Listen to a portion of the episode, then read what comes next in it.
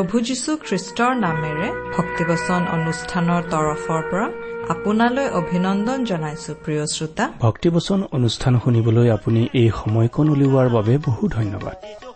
আজিও আমি আপোনালৈ লৈ আহিছো প্ৰভু যীশুৰ বাণী আৰু বাইবেলৰ জীৱনদায়ক কথাৰ শিক্ষামূলক অনুষ্ঠান ভক্তিবচন। আশা কৰো আপুনি এই অনুষ্ঠানৰ যোগেৰে আশীৰ্বাদৰ কথাবোৰ উপভোগ কৰিব পাৰিছে। ঈশ্বৰৰ সৰ্বজ্ঞানী শক্তিয়ে আপোনাৰ জীৱনৰ সকলো কথা জানে। তেওঁৰ আগত আপোনাৰ একো কথা লুকাই নাথাকে। যিবোৰ কথা আপোনাৰ অতি অন্তৰংগ বন্ধুজনেও বুজি নাপায় সেইবোৰ ঈশ্বৰে খুব ভালদৰে জানে আৰু বুজে। লগতে আপোনাৰ প্ৰতিটো সমস্যাৰ প্ৰকৃত সমাধানো তেওঁ জানে। আচলতে পৃথিৱীৰ একো কথাই তেওঁৰ জ্ঞানৰ বাহিৰত নহয়। তেওঁ সকলো জানে। মাথোন তেওঁৰ আগত আপুনি নিজ মুখেৰে স্বীকাৰহে কৰিব লাগে। তেওঁ পূৰ্বৰে পৰাই আপোনাৰ প্ৰতিটো বিষয় জানি আছে। আপুনি তেওঁৰ আগত স্বীকাৰ কৰা মাত্ৰকেই তেওঁ আপোনাৰ হৈ কাৰ্য কৰিবলৈ ধৰে। আপুনি বাৰু তেওঁৰ আগত মনৰ সকলো কথা নিজ মুখেৰে স্বীকাৰ কৰিলেনে? তেওঁ এই জ্ঞানৰ কথাই আপোনাক নতুন উদ্যম দিয়ক। এই আশাৰে আপোনালৈ এয়া আগবঢ়াইছো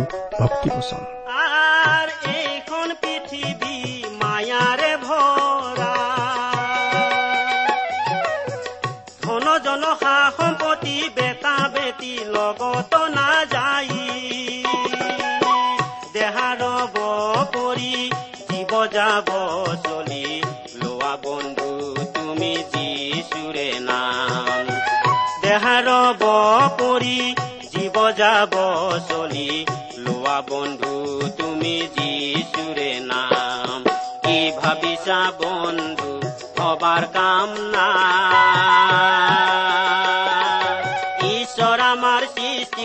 আমাৰ নাম ভাই। কি বন্ধু কাম নাই। কি বন্ধু কাম নাই। কি বন্ধু কাম আমাৰ মহান ত্ৰাণকৰ্তা প্ৰভু যীশুখ্ৰীষ্টৰ নামত নমস্কাৰ প্ৰিয় শ্ৰোতা। আশা কৰো মহান পিতা পৰমেশ্বৰে আপোনাক ভালে কুশলে ৰাখিছে। লগতে আমি এই বুলিও আশা কৰিছো যে আপুনি আমাৰ এই ভক্তিবচন অনুষ্ঠানটো নিয়মিতভাৱে শুনি আছে। এই অনুষ্ঠান শুনি কেনে পাইছে আমালৈ অনুগ্ৰহ কৰি দুষাৰিমান লিখি পঠিয়াবচোন। আহকচোন আজিৰ বাইবেল অধ্যয়ন আৰম্ভ কৰাৰ আগতে খন্তেক প্ৰাৰ্থনাত মূৰ নোৱাওঁ হে আমাৰ স্বৰ্গত থকা মহান পিতৃ ঈশ্বৰ তোমাক ধন্যবাদ দিছো কাৰণ তুমি আমাক আকৌ এটা নতুন দিন দেখিবলৈ দিছা আৰু তোমাৰ বাক্য অধ্যয়ন কৰিবলৈ আমাক আকৌ এটা সুযোগ দান কৰিছা। প্ৰভু তোমাৰ বাক্য তুমিয়েই আমাক বুজাই দিয়া। এই অনুষ্ঠানৰ আৰম্ভণিৰ পৰা শেষলৈকে তুমিয়েই আমাৰ চলাওঁতা হোৱা। কিয়নো এই প্ৰাৰ্থনা আমাৰ পাপৰ প্ৰায়চিত্ৰ কৰিবলৈ ক্ৰুচত প্ৰাণ দি তৃতীয় দিনা পুনৰ জি উঠি এতিয়া স্বৰ্গত আমাৰ বাবে নিবেদন কৰি থকা ত্ৰাণকৰ্তা প্ৰভু যীশুখ্ৰীষ্টৰ নামত আগবঢ়াইছো।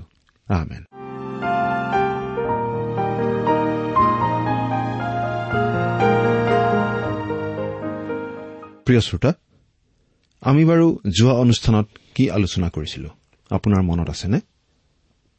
আমি আজি ভালেমান দিন ধৰি বাইবেলৰ নতুন নিয়ম খণ্ডৰ ফিলিপিয়াবিলাকৰ প্ৰতি পত্ৰ নামৰ পুস্তকখন অধ্যয়ন কৰি আছো।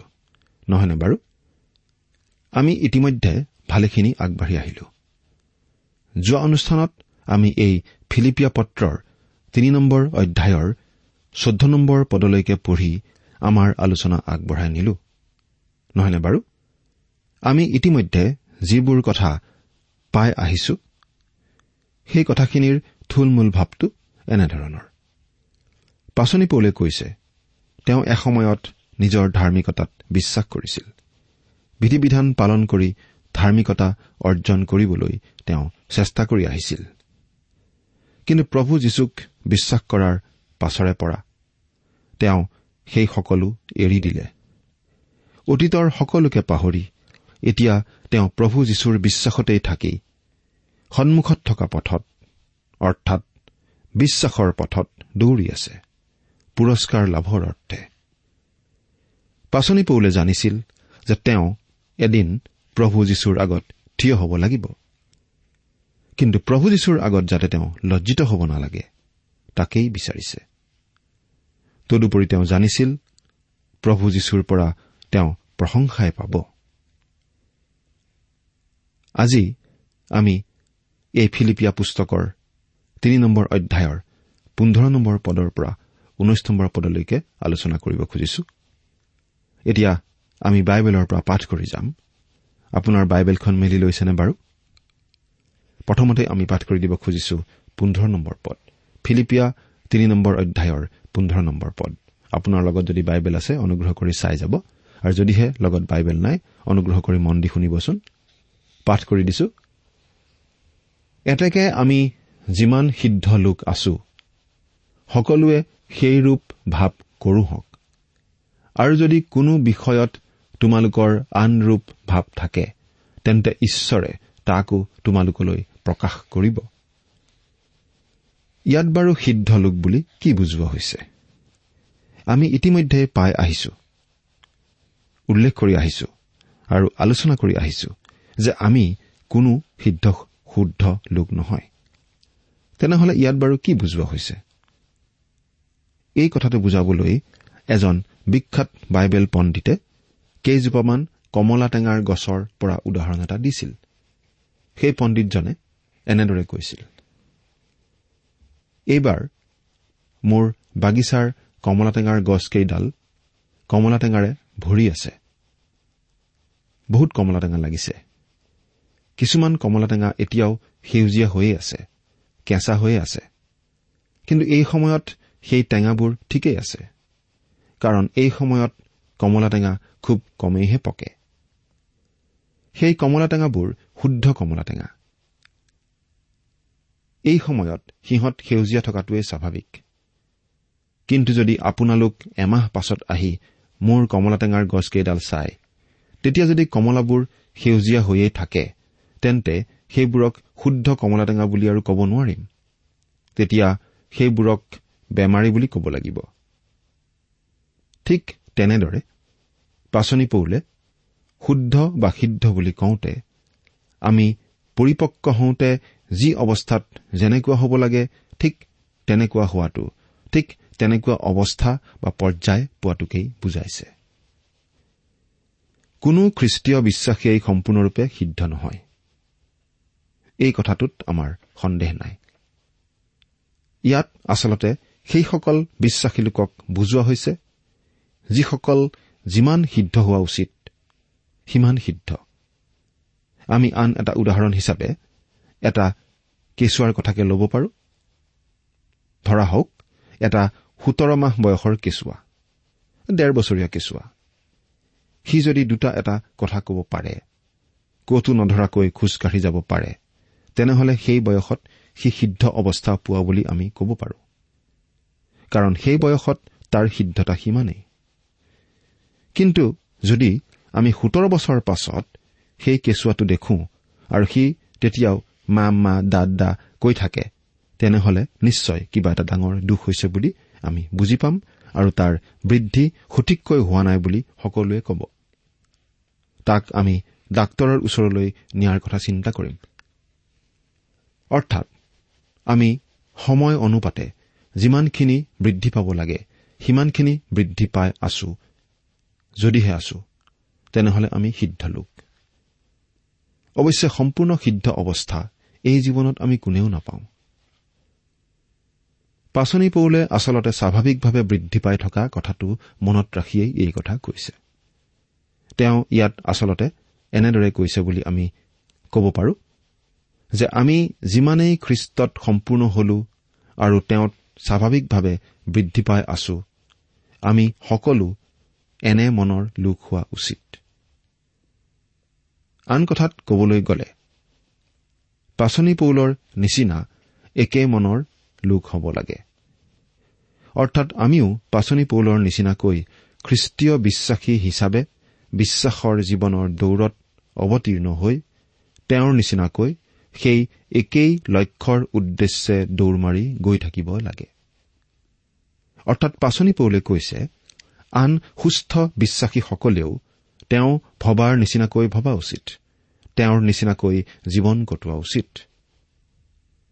তাৰ পাছত পাচনি পৌলে ইয়াত এই বুলিও কৈছে যে আপোনাৰ মনত হয়তো কিবা বেলেগ ধাৰণা থাকিব পাৰে।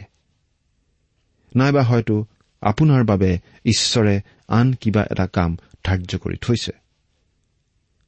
যদিহে আপুনি সেই কামটো কৰিবলৈ ইচ্ছা কৰে তেনেহলে ঈশ্বৰে সেইটো আপোনাৰ আগত প্ৰকাশ কৰিব। ইচ্ছুক বিশ্বাসী এজনকহে ঈশ্বৰে চলাই নিব পাৰে।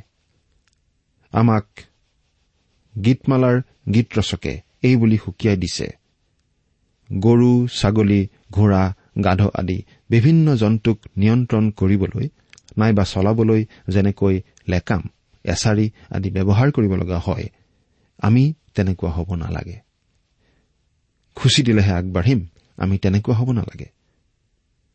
যদিহে আমাক তেনেদৰে চলাব লাগে আমি নিশ্চয় কষ্ট পাম। খুচি দিলেতো নিশ্চয় দুখ পাম নহয়নে বাৰু? তেওঁৰ চকুৰে আপোনাক পৰিচালিত কৰিবলৈ নিদিয়ে কিয়? তেওঁ অৰ্থাৎ ঈশ্বৰে আমাক তেনেদৰেই পৰিচালিত কৰিবলৈ তেনেদৰেই চলাবলৈ ভাল পায়। পাচনি পৌলে সেই কথাকেই কৈছে ঈশ্বৰে আনকি এই বিষয়টো তোমালোকৰ আগত প্ৰকাশ কৰিব। যদিহে আপুনি ঈশ্বৰৰ দ্বাৰা পৰিচালিত হবলৈ ইচ্ছা কৰে তেনেহলে ঈশ্বৰে নিশ্চয় তেওঁৰ ইচ্ছা আপোনাৰ আগত প্ৰকাশ কৰিব। বহুতো খ্ৰীষ্টীয় বিশ্বাসীয়ে কয় যদি মই ঈশ্বৰৰ ইচ্ছা কি জানিব পাৰিলোহেঁতেন কিমান ভাল হলহেঁতেন? ঈশ্বৰৰ ইচ্ছা জনাটো আচলতে প্ৰভু যীশুৰ সৈতে অতি নিকটভাৱে জীৱন কটোৱা কথা বুলি আমি ক'ব পাৰোঁ। প্ৰভু যীশুৰ অতি ওচৰ চাপি জীৱন কটোৱা কথা। প্ৰভু যীশুৰ ওচৰ চাপি যোৱা কথা। আৰু তেওঁ যেতিয়া তেওঁৰ ইচ্ছাটো আমাক জনায় তেতিয়া সেই ইচ্ছা পালন কৰিবলৈ আমাৰ আগ্ৰহ থাকিব লাগিব। ঈশ্বৰৰ ইচ্ছা কি জনাৰ কিবা বিশেষ সূত্ৰ বা নিয়ম নাই। কোনো বিশেষ স্পেচিয়েল ফৰ্মুলা নাই। কোনো লোকে অতি বিশৃংখলভাৱে জীৱন কটাই থাকি বিপদৰ সময়ত কোনো স্বৰ্গদূতৰ পৰা দৰ্শনৰ যোগেদি নিৰ্দেশনা আশা কৰিব নোৱাৰে। নাইবা বিপদৰ সময়ত কোনো সেউজীয়া লাইট ওলাই তেওঁক বাট দেখুৱাব বুলি আশা কৰিব নোৱাৰে। ঈশ্বৰৰ ইচ্ছা কি তাক জনাটো আচলতে ঈশ্বৰৰ সৈতে আমি প্ৰতিদিনে খোজ কঢ়াৰ নিকট অভিজ্ঞতাৰ পৰাহে আহে। আৰু তেওঁৰ দ্বাৰা পৰিচালিত হবলৈ আমি দেখুওৱা আগ্ৰহৰ পৰাহে আহে। যদিহে আমি এনেদৰে খ্ৰীষ্টীয় জীৱন যাপন কৰো তেনেহলে আমি জীৱন পথত চলোতে সঠিক পথত থাকিম আৰু ইয়েই আমাৰ হৃদয়লৈ বিশেষ আনন্দ কঢ়িয়াই আনিব। এতিয়া ষোল্ল নম্বৰ পদটো পাঠ কৰি দিব খুজিছো। যি হওক আমি যি পথে এইখিনি পালোহি তাতেই চলো হওক। পাচনি পৌলে ফিলিপিয়া বিশ্বাসীসকলক বিশেষভাৱে উদগনি দিছে। তেওঁলোকে যাতে তেওঁৰ নিচিনাকৈ দৌৰি থাকে। খ্ৰীষ্টৰ আমন্ত্ৰণৰ ঘাই বটাৰ অৰ্থে যাতে তেওঁলোকে দৌৰি থাকে। তেওঁলোক সকলোৱে খ্ৰীষ্টৰ পৰা সেই বঁটা লাভ কৰাৰ উদ্দেশ্যে যাতে দৌৰি থাকে। ইমান দিনে তেওঁলোক যি বাটেৰে আহিল সেই বাটেৰে যাতে আগবাঢ়ি গৈ থাকে। আচলতে পাচনি পৌলে নিজকে তেওঁলোকৰ বাবে আদৰ্শ হিচাপে দাঙি ধৰিছে। তেওঁ বিচাৰিছে ফিলিপিয়া সেই বিশ্বাসীসকলে যাতে পাচনি পৌলক আদৰ্শ হিচাপে লৈ বিশ্বাসৰ পথত অগ্ৰসৰ হৈ গৈ থাকে।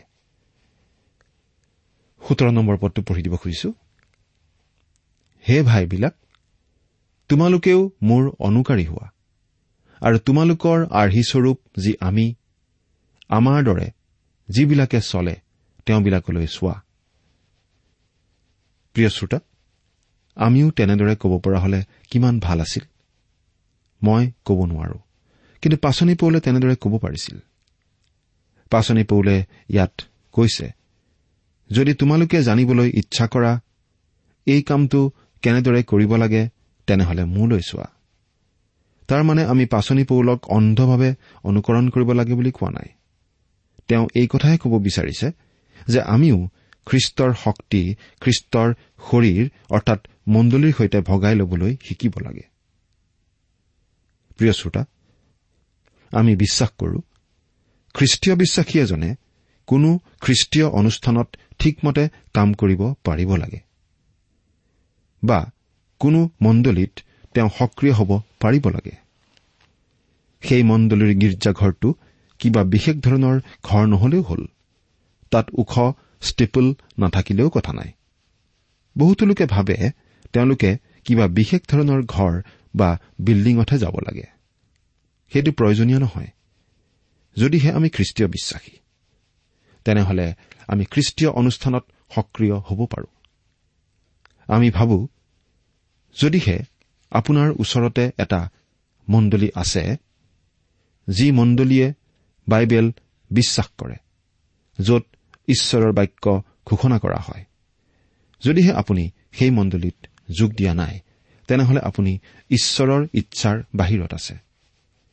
যদিহে আপোনাৰ নিজৰ চহৰখনত বা আপোনাৰ নিজৰ ঠাইখনত খুব ভাল খ্ৰীষ্টীয় অনুষ্ঠান এটা আছে যিটোৰ যোগেদি ঈশ্বৰে কাম কৰি আছে আৰু যদিহে আপুনি সেই অনুষ্ঠানক সহায় আগবঢ়োৱা নাই তেনেহলে আপুনি ঈশ্বৰৰ ইচ্ছা পালন কৰা নাই। আমি ভাবো পাচনি পৌলে এনেকুৱা এটা ভাৱ ইয়াত প্ৰকাশ কৰিছে। এতিয়া পাচনি পৌলে বিপৰীত দিশটো দাঙি ধৰা আমি দেখিবলৈ পাম। ওঠৰ আৰু ঊনৈশ নম্বৰ পদ। কাৰণ অনেকে আনদৰে চলিছে। তেওঁবিলাকৰ বিষয়ে মই তোমালোকক বাৰে বাৰে কলো এতিয়াও কান্দিহে কৈছো। তেওঁবিলাক খ্ৰীষ্টৰ ক্ৰুচৰ শত্ৰু। তেওঁবিলাকৰ শেষ গতি সৰ্বনাশ। পেটেই তেওঁবিলাকৰ ঈশ্বৰ। নিজ নিজ লাজত তেওঁবিলাকৰ গৌৰৱ আছে। তেওঁবিলাকে পাৰ্থিৱ বিষয় ভাবে। এতিয়া পাচনি পৌলে বিপৰীত দিশটো উল্লেখ কৰিছে। এনেকুৱা বহুতো লোক আজিও আছে আমাৰ মাজত।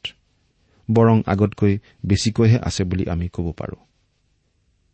ইয়াৰ মাজেৰে পাচনি পৌলে সেই লোকসকলক বিশেষভাৱে ককৰ্থনা কৰিছে যিসকলে নিজকে খ্ৰীষ্টীয় বিশ্বাসী বুলি চিনাকি দি থাকে কিন্তু সেইদৰে জীৱন ধাৰণ তেওঁলোকে নকৰে।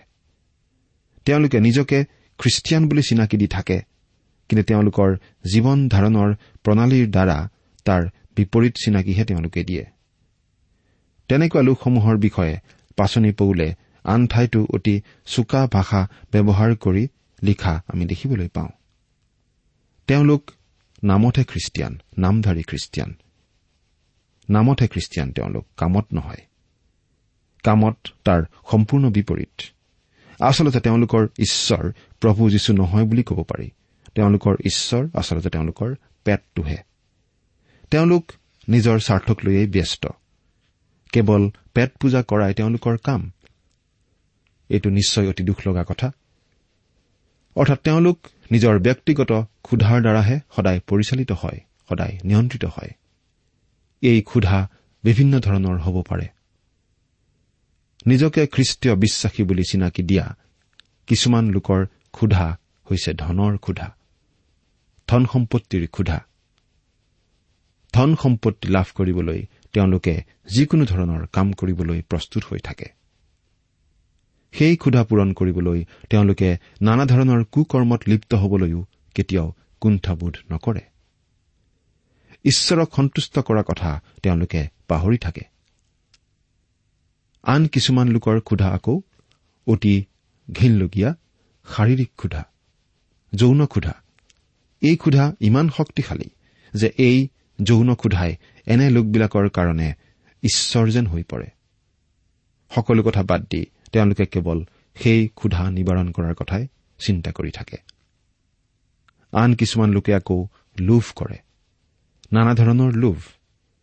এনেবোৰ লোভ আৰু হাবিয়াসৰ ফলতেই জন্ম হয় নানা ধৰণৰ অসূয়া বিবাদ আৰু ভুৱা গৰ্ব অহংকাৰ। ইয়াৰ মূল কাৰণটো এইয়ে যে তেওঁলোকৰ অন্তৰখন জাগতিক বিষয়বস্তু আদিক লৈয়েই ব্যস্ত। তেওঁলোকৰ মনটো তেনেধৰণৰ বিষয়বোৰক লৈয়েই ব্যস্ত। তেওঁলোকে নিজৰ বাবে জীয়াই থাকে। কেৱল নিজৰ বাবেই জীয়াই থাকে। একমাত্ৰ নিজক সন্তুষ্ট কৰিবলৈকেই তেওঁলোক জীয়াই থাকে। বেলেগ কাৰো কথা তেওঁলোকে চিন্তা নকৰে বেলেগ একো কথা তেওঁলোকে নাভাবে। আৰু আচলতে তেওঁলোকে এনে জাগতিক বিষয়বস্তুবোৰক লৈহে গৌৰৱ কৰে। যিবোৰ বিষয়ক লৈ তেওঁলোকে আচলতে লাজ পাব লাগে সেইবোৰ বিষয়ক লৈ তেওঁলোকে গৌৰৱ কৰিব বিচাৰে। মুখেৰে নকৰিলেও অন্তৰত তেওঁলোকৰ সেই গৌৰৱ থাকে। আৰু সময় সুবিধা বুজি সেই গৌৰৱটো প্ৰকাশ পাই উঠে। এইটো নিশ্চয় অতি লাজ লগা কথা। প্ৰিয় শ্ৰোতা পাচনি পৌলে কৈছে যদিহে আপুনি প্ৰভু যীশুখ্ৰীষ্টত বিশ্বাস স্থাপন কৰিলে যদিহে পাচনি পৌলে দম্মেচকলৈ যোৱাৰ বাটত প্ৰভু যীশুখ্ৰীষ্টক লগ পোৱাৰ পাছত তেওঁৰ জীৱনত যি পৰিৱৰ্তন আহিল যি বিপ্লৱ ঘটিল তেনে বিপ্লৱ আপোনাৰ জীৱনত যদিহে ঘটিছে। যদিহে খ্ৰীষ্টই হৈছে আপোনাৰ মনৰ চিন্তা আপোনাৰ সময় আৰু প্ৰতিভা তথা ধন সম্পত্তিৰ মূল চালিকা শক্তি মূল নীতি তেনেহলে সেই কথা আপোনাৰ জীৱন ধাৰণৰ প্ৰণালীৰ যোগেদি প্ৰকাশ পাবই লাগিব। আৰু প্ৰকাশ পাবই। আপোনাৰ মনৰ ভিতৰত যি আছে সেইটো আপোনাৰ কাম কাজৰ যোগেদি প্ৰকাশ পাবই। আপোনাৰ জীৱনৰ যোগেদি আপোনাৰ মনৰ কথাটো প্ৰকাশ পাবই। আৰু সেইবাবেই জাকুবে তেওঁ লিখা পত্ৰৰ দুই নম্বৰ অধ্যায়ৰ সোতৰ আৰু ওঠৰ পদত এই কথাটো স্পষ্টভাৱে জনাইছে যে কৰ্মবিহীন বিশ্বাস মৰা। যদি আমাৰ বিশ্বাস আছে সেই বিশ্বাস আমাৰ কৰ্মৰ মাজেদি প্ৰকাশ পাই উঠিবই। আন কথাত কবলৈ গ'লে হে প্ৰিয় শ্ৰোতা আপোনাৰ যদি কোনো কৰ্ম নাই তেনেহলে আপুনি আপোনাৰ চুবুৰীয়াক কেতিয়াও পুতিয়ন নিয়াব নোৱাৰিব। কেতিয়াও নোৱাৰে। আপোনাক আপোনাৰ কৰ্মৰ যোগেদিহে আন আন লোকসকলে চাব। আপোনাৰ যি বিশ্বাস সেই বিশ্বাসটো আপোনাৰ কৰ্মৰ যোগেদি আপোনাৰ জীৱন ধাৰণৰ প্ৰণালীৰ যোগেদি আপোনাৰ কাম কাজৰ যোগেদিহে আপোনাৰ ওচৰ চুবুৰীয়াই তথা গোটেই জগতখনেই বিচাৰ কৰি চাব। এগৰাকী বিখ্যাত সাধু পণ্ডিতে এনেদৰে মন্তব্য কৰিছিল। একমাত্ৰ বিশ্বাসেহে আমাক পৰিত্ৰাণ দিয়ে কিন্তু আমাক পৰিত্ৰাণ দিয়া বিশ্বাস অকলশৰীয়া নহয়। অৰ্থাৎ বিশ্বাস যদি আছে সেই বিশ্বাসৰ লগৰীয়া স্বৰূপে আমাৰ জীৱনত কৰ্ম থাকিবই। কথাখিনি আকৌ এবাৰ চিন্তা কৰি চাওকচোন। একমাত্ৰ বিশ্বাসেহে আমাক পৰিত্ৰাণ দিয়ে। অৰ্থাৎ আমি কোনেও নিজৰ ধৰ্ম কৰ্ম নিজৰ সৎকৰ্মৰ ওপৰত ভিত্তি কৰি বিধি বিধান পালন কৰাৰ ওপৰত ভিত্তি কৰি আমি পৰিত্ৰাণ লাভ নকৰো। প্ৰভু যীশুখ্ৰীষ্টই আমাৰ হকে ক্ৰুচৰ ওপৰত যি কৰি গ'ল তেওঁ যে নিজৰ অমূল্য তেজ বোৱাই আমাৰ পাপৰ প্ৰায়চিত্ৰ কৰি গ'ল। আৰু তেওঁ যে কবৰস্থ হ'ল আৰু তৃতীয় দিনা পুনৰুত্থিত হ'ল। তেওঁত বিশ্বাস স্থাপন কৰিলে যে আমি বিনামূল্যে পৰিত্ৰাণ পাব পাৰোঁ। সেই কথা বিশ্বাস কৰি যদি আমি তেওঁক আমাৰ ত্ৰাণকৰ্তা বুলি গ্ৰহণ কৰোঁ তেতিয়া আমি পৰিত্ৰাণ পাওঁ। অৰ্থাৎ একমাত্ৰ সেই বিশ্বাসটোৰ বলতহে আমি পৰিত্ৰাণ পাওঁ। অৰ্থাৎ প্ৰভু যীশুক আমাৰ ত্ৰাণকৰ্তা বুলি আমাৰ পৰিত্ৰাতা বুলি বিশ্বাস কৰিহে আমি পৰিত্ৰাণ পাওঁ। আমাৰ নিজৰ ধাৰ্মিকতা নিজৰ সৎকৰ্ম বিধি বিধান পালন আদিৰ যোগেদি আমি সেই পৰিত্ৰাণ নাপাওঁ। সেইকাৰণে কোৱা হৈছে একমাত্ৰ বিশ্বাসেহে আমাক পৰিত্ৰাণ দিয়ে। কিন্তু আমাক পৰিত্ৰাণ দিয়া বিশ্বাস অকলশৰীয়া নহয়। তাৰমানে সেই বিশ্বাস অকলে থাকিব নোৱাৰে। যদিহে আমাৰ জীৱনত প্ৰভু যীশুৰ প্ৰতি সেই বিশ্বাস আছে তেন্তে সেই বিশ্বাস অকলশৰীয়া নহয় সেই বিশ্বাসৰ লগৰীয়া আছে। আৰু সেই লগৰীয়া হৈছে আমাৰ জীৱনৰ সৎকৰ্ম। তাৰমানে যদি আমি প্ৰভু যীশুক বিশ্বাস স্থাপন কৰিছো পৰিত্ৰাণ পোৱা লোক হৈছো তেতিয়াহ'লে সেই বিশ্বাসৰ লগে লগে আমাৰ জীৱনত সেই বিশ্বাসৰ কৰ্মবোৰ প্ৰকাশ পাই উঠিব। কিছুমান লোকে ভাবে যে তেওঁলোকৰ পেটেই তেওঁলোকৰ ঈশ্বৰ বুলি কোৱা কথাষাৰ অলপ কঠোৱা আৰু নিম্নমানৰ কথা। কথাষাৰ আচলতে উচিত কথা। কিন্তু যিসকলৰ জীৱনৰ অৱস্থা এনেকুৱা তেওঁলোকৰ জীৱনৰ অৱস্থাটো নিঃসন্দেহে অতি নিম্নমানৰ। বহুতো লোকৰ জীৱনৰ অৱস্থা কিন্তু সঁচাকৈয়ে এনে দুখ লগা জগতৰ ক্ষণস্থায়ী বিষয়বস্তুবোৰক লৈয়েই মূৰ ঘমোৱা সেইবোৰকেই জীৱনৰ সকলো বুলি ভবা বহুতো খ্ৰীষ্টীয় বিশ্বাসী আছে। জাগতিক বিষয়ক লৈয়েই জীয়াই থকা এনে লোকসকলৰ বিশ্বাস সম্বন্ধে স্বাভাৱিকতেই আমাৰ মনত সন্দেহ জন্মিব। প্ৰিয় শ্ৰোতা আপোনাৰ জীৱন বাৰু কেনেকুৱা? চিন্তা কৰি চাওকচোন। ঈশ্বৰে আপোনাক আশীৰ্বাদ কৰক।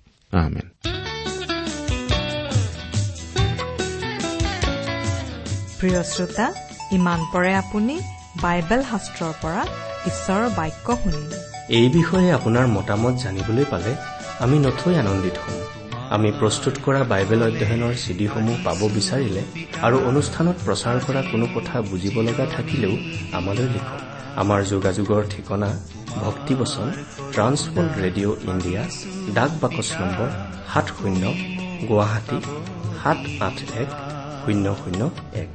তোমাৰ কাষলে আহিছো পিতা আজি মোক জিৰণি দিয়া।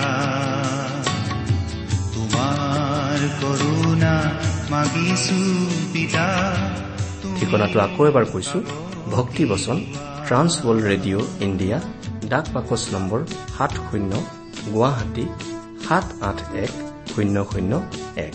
আমাৰ ইমেইল এড্ৰেছটো হৈছে Assamese T TV at the rate radio' eight eight two dot com আমাৰ website W W W dot T W R dot in জীৱন বাটত ইমান নিৰাশা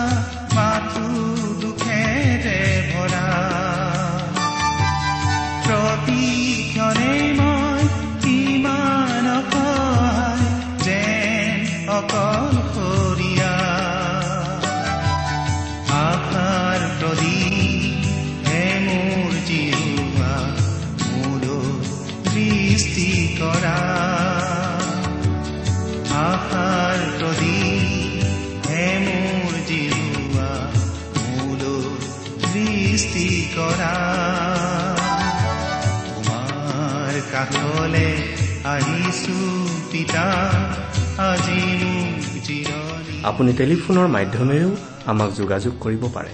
আমাৰ টেলিফোন নম্বৰটো হৈছে nine eight five four zero' four zero' eight eight nine. Phone নম্বৰটো আকৌ এবাৰ কৈছো ন আঠ পাঁচ চাৰি শূন্য চাৰি শূন্য আঠ আঠ ন।